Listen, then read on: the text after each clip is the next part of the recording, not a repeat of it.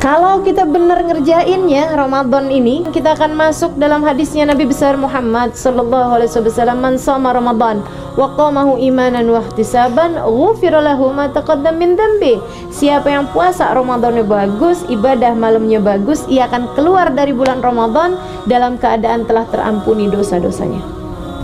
Bahkan bisa jadi dari bagusnya Ramadanmu kau akan keluar menjadi seperti bayi yang baru dilahirkan dari rahim ibunya. Katanya Nabi besar Muhammad alaihissalam, "Man sama Ramadan qamahu imanan wa ihtisaban kharaj min dhunubihi kayawm waladatu ummu." Siapa yang Ramadannya bagus, puasanya benar, terawihnya bagus, dia akan keluar dari bulan Ramadan menjadi seperti bayi yang baru dilahirkan dari rahim ibunya. Ramadanmu, Ramadanmu dipersiapkan. Sambut Ramadanmu dengan penuh cinta, sehingga engkau layak menjadi hamba-hamba yang tercinta di sisi Allah selepas Ramadanmu.